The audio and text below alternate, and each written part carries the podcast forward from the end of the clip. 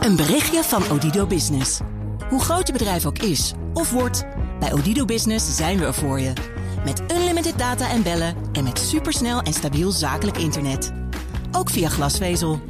Ontdek wat er allemaal kan op odido.nl/slash business. Het kan ook zo.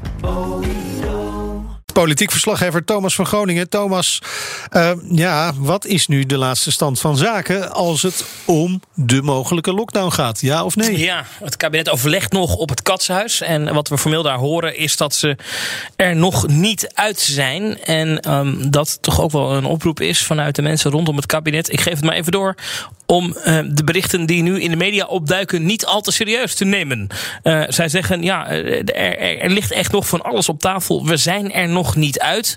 Uh, dus kom later nog maar eens bij ons terug. Maar de, de, discussie is nog volop gaande binnen het kabinet over welke maatregelen er nu genomen moeten worden om ja, het aantal besmettingen omlaag te krijgen. Om te voorkomen dat over een paar weken het nog verder uit de hand loopt in de ziekenhuizen. Voor zover het nu al niet uit de hand loopt. Want die berichten zijn er natuurlijk ook op dit moment al. Ja. Over dat het uit de hand loopt. Ja. Uh, hoe dan ook. Uh, kunnen we alleen varen op dit moment op wat er in de media uitgelekt is hè, over de maatregelen die er eventueel aan zitten te komen. Wat, wat stond er nou in dat OMT-advies?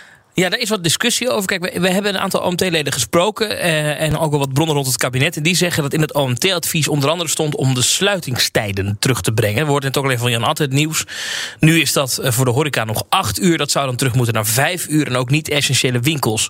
Die zouden moeten sluiten om vijf uur. Net als eigenlijk alles wat niet essentieel is in ons land.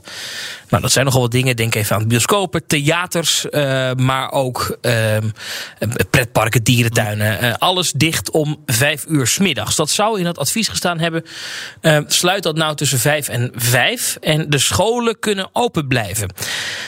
Aan de andere kant moet ik zeggen dat je ook weer mensen hoort die zeggen: ja, maar wacht even, er wordt ook nog een ander scenario geschetst in dat advies. Dat is namelijk het advies van een totale lockdown. Alleen daarbij zouden dan ook de scholen dicht moeten.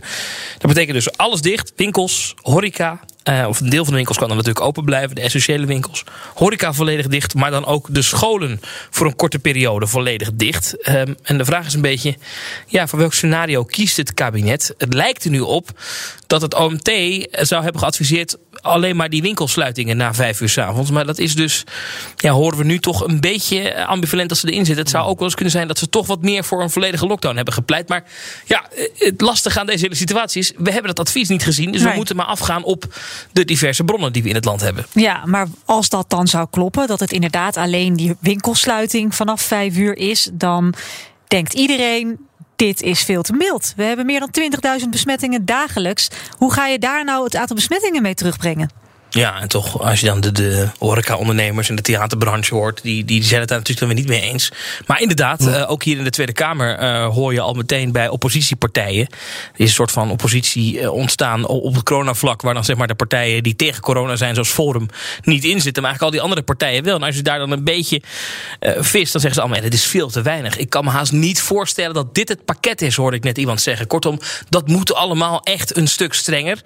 Um, ja, en je hoort dat ook bij de deskundigen, ook bij de OMT-leden achter de schermen hoor je... ja, ik had liever toch iets veel zwaarders gezien. Ik belde vanmiddag ook nog even met wat modelleurs die we wel vaker bellen... om cijfers te duiden. Hoe staan we er nu voor? Ja, dan zeggen ze, je moet echt veel, zwaarder, uh, veel zwaardere maatregelen nemen... want er is nog geen kentering in die cijfers nee. te zien. Ook al lijken ze uh, qua positieve testen wat af te vlakken de afgelopen dagen. Dat zou ook maar kunnen, zomaar kunnen zijn omdat er gewoon niet meer testen afgenomen kunnen worden.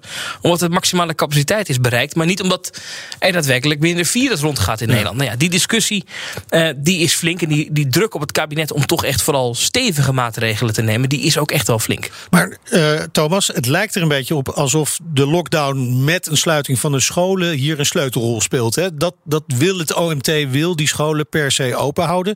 Waarom zou je niet een harde lockdown kunnen invoeren zonder dat je die scholen dichtgooit? Ja, dat is een goede vraag. Aan de andere kant uh, kan je ook afvragen of daar dan wel draagvlak voor is. Omdat iedereen die dan een bedrijf heeft die dicht moet. Denk even aan een kroegbaas, wat dan ook. Die zal dan zeggen: ja, maar wacht even. De meeste besmettingen nu, en dat is ook feitelijk juist. vinden plaats bij kinderen in de schoolgaande ja. leeftijd. Uh, waarom moet dan mijn café waar uh, allemaal verstokte vijftigers met een sigaar in de mond uh, op het terras zitten. Denk ik maar even iets. Maar waarom moet die dan dicht? Ja. En, moet, en, moet, en, moet, en terwijl de scholen open blijven? Ja, die discussie krijg je dan. En um, ja, dat wil men blijkbaar toch voorkomen. Uh, en, Ja. en, en ja, dat- Contactmomenten verminderen, dat is dan het enige wat het kabinet kan, kan inbrengen natuurlijk. Juist, maar ja, ze willen toch ook wel dat er nog wat enige draagvlak voor is in de samenleving. Dus die discussie Nou ja, zal nu ze hebben onderzocht bij ouders van schoolgaande kinderen. Daar is wel draagvlak voor het openhouden van de scholen. En dat ze dan zelf strengere maatregelen nemen. Ja, maar ja, eh, dat zijn ouders. Maar dat, dat on- ondernemend Nederland denkt daar. We hoorden net al even van Hans Biesheuvel. Wa- deze Wat ook heel begrijpelijk is trouwens. Ja. En daarnaast, eh, eh, vergeet ook niet dat het sluiten van sectoren zoals de horeca en niet-essentiële winkels, eh, dat kost geld.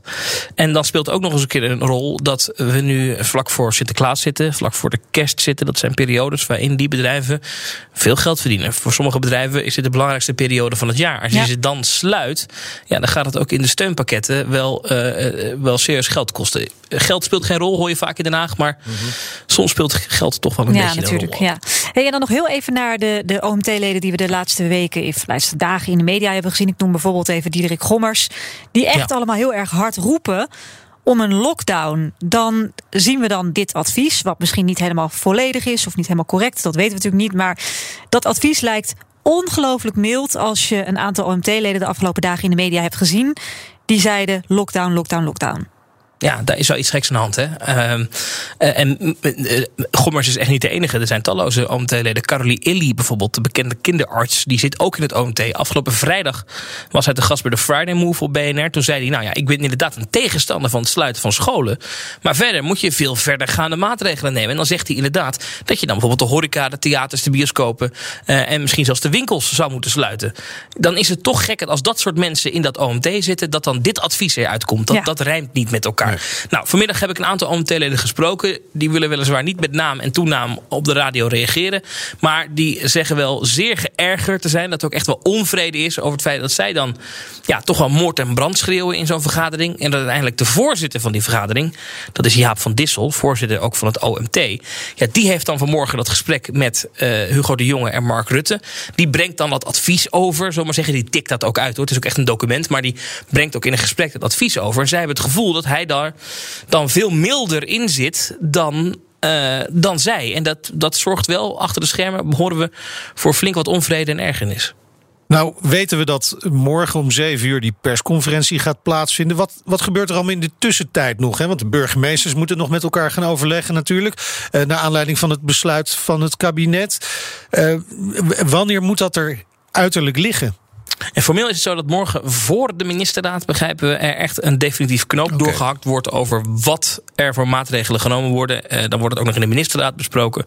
Ondertussen is er wel een hele polderlobby alweer aan de gang. Hè. Ik zag bijvoorbeeld net even in de tussentijd dat de theaterbranche, die zeggen dat ze in gesprek zijn met de overheid over die maatregelen. Nou ja, dat hebben we in het verleden wel eens vaker gezien. Dat zal de komende uren nog wel even doorgaan. Dat er toch aan alle kanten getrokken wordt, gesprekken gevoerd worden, burgemeesters, maar denk ook even aan de politiebonden die zich hierin roeren. Hoe gaan we dit handhaven? Burgemeesters.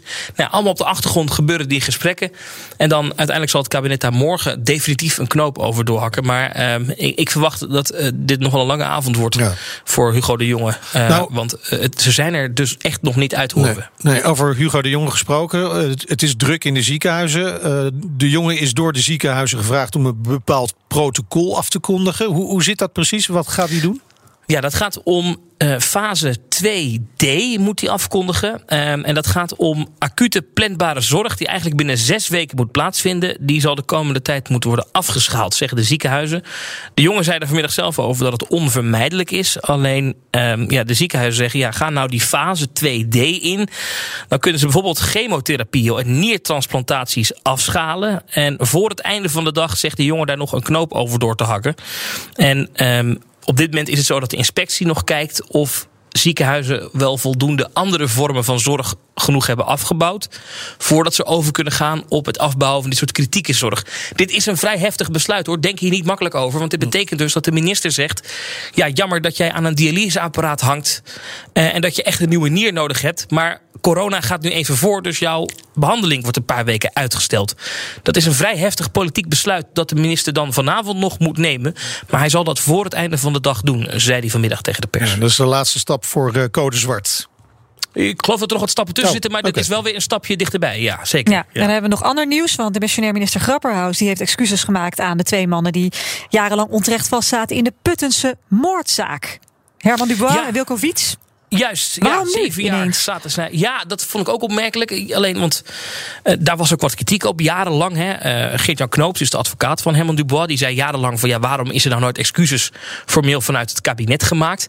Ja, en nu was dan het debat over de begroting, justitie en veiligheid. Dan staat eh, minister Graphaus de hele dag de de Tweede Kamer te woord. En op de tribune zaten ook Herman Dubois en eh Royce de Vries, de zoon van Peter R. de Vries. Die Oh ja. natuurlijk vaak optrok met deze mannen. Ja. Ehm, en ook Kees van der Spek zat nog op de tribune.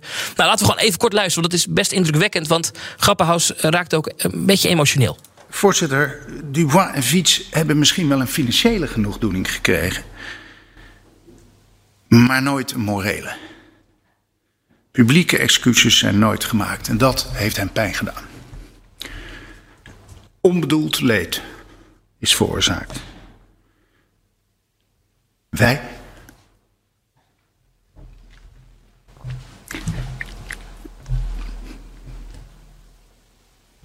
Ik ben er even stil over, voorzitter, want ik wilde ook echt bij stilstaan. We hebben die mannen en hun gezinnen in de kou laten staan. En we hadden eerder die excuses moeten maken.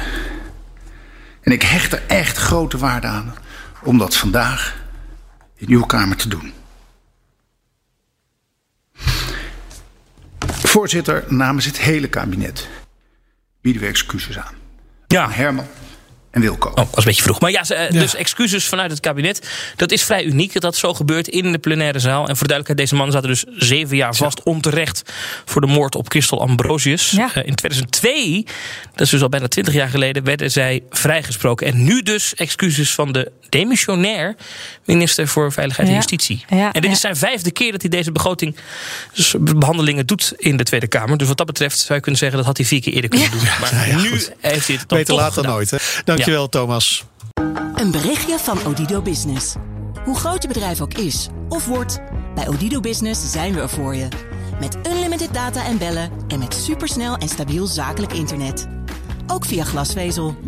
Ontdek wat er allemaal kan op odido.nl/slash business. Het kan ook zo.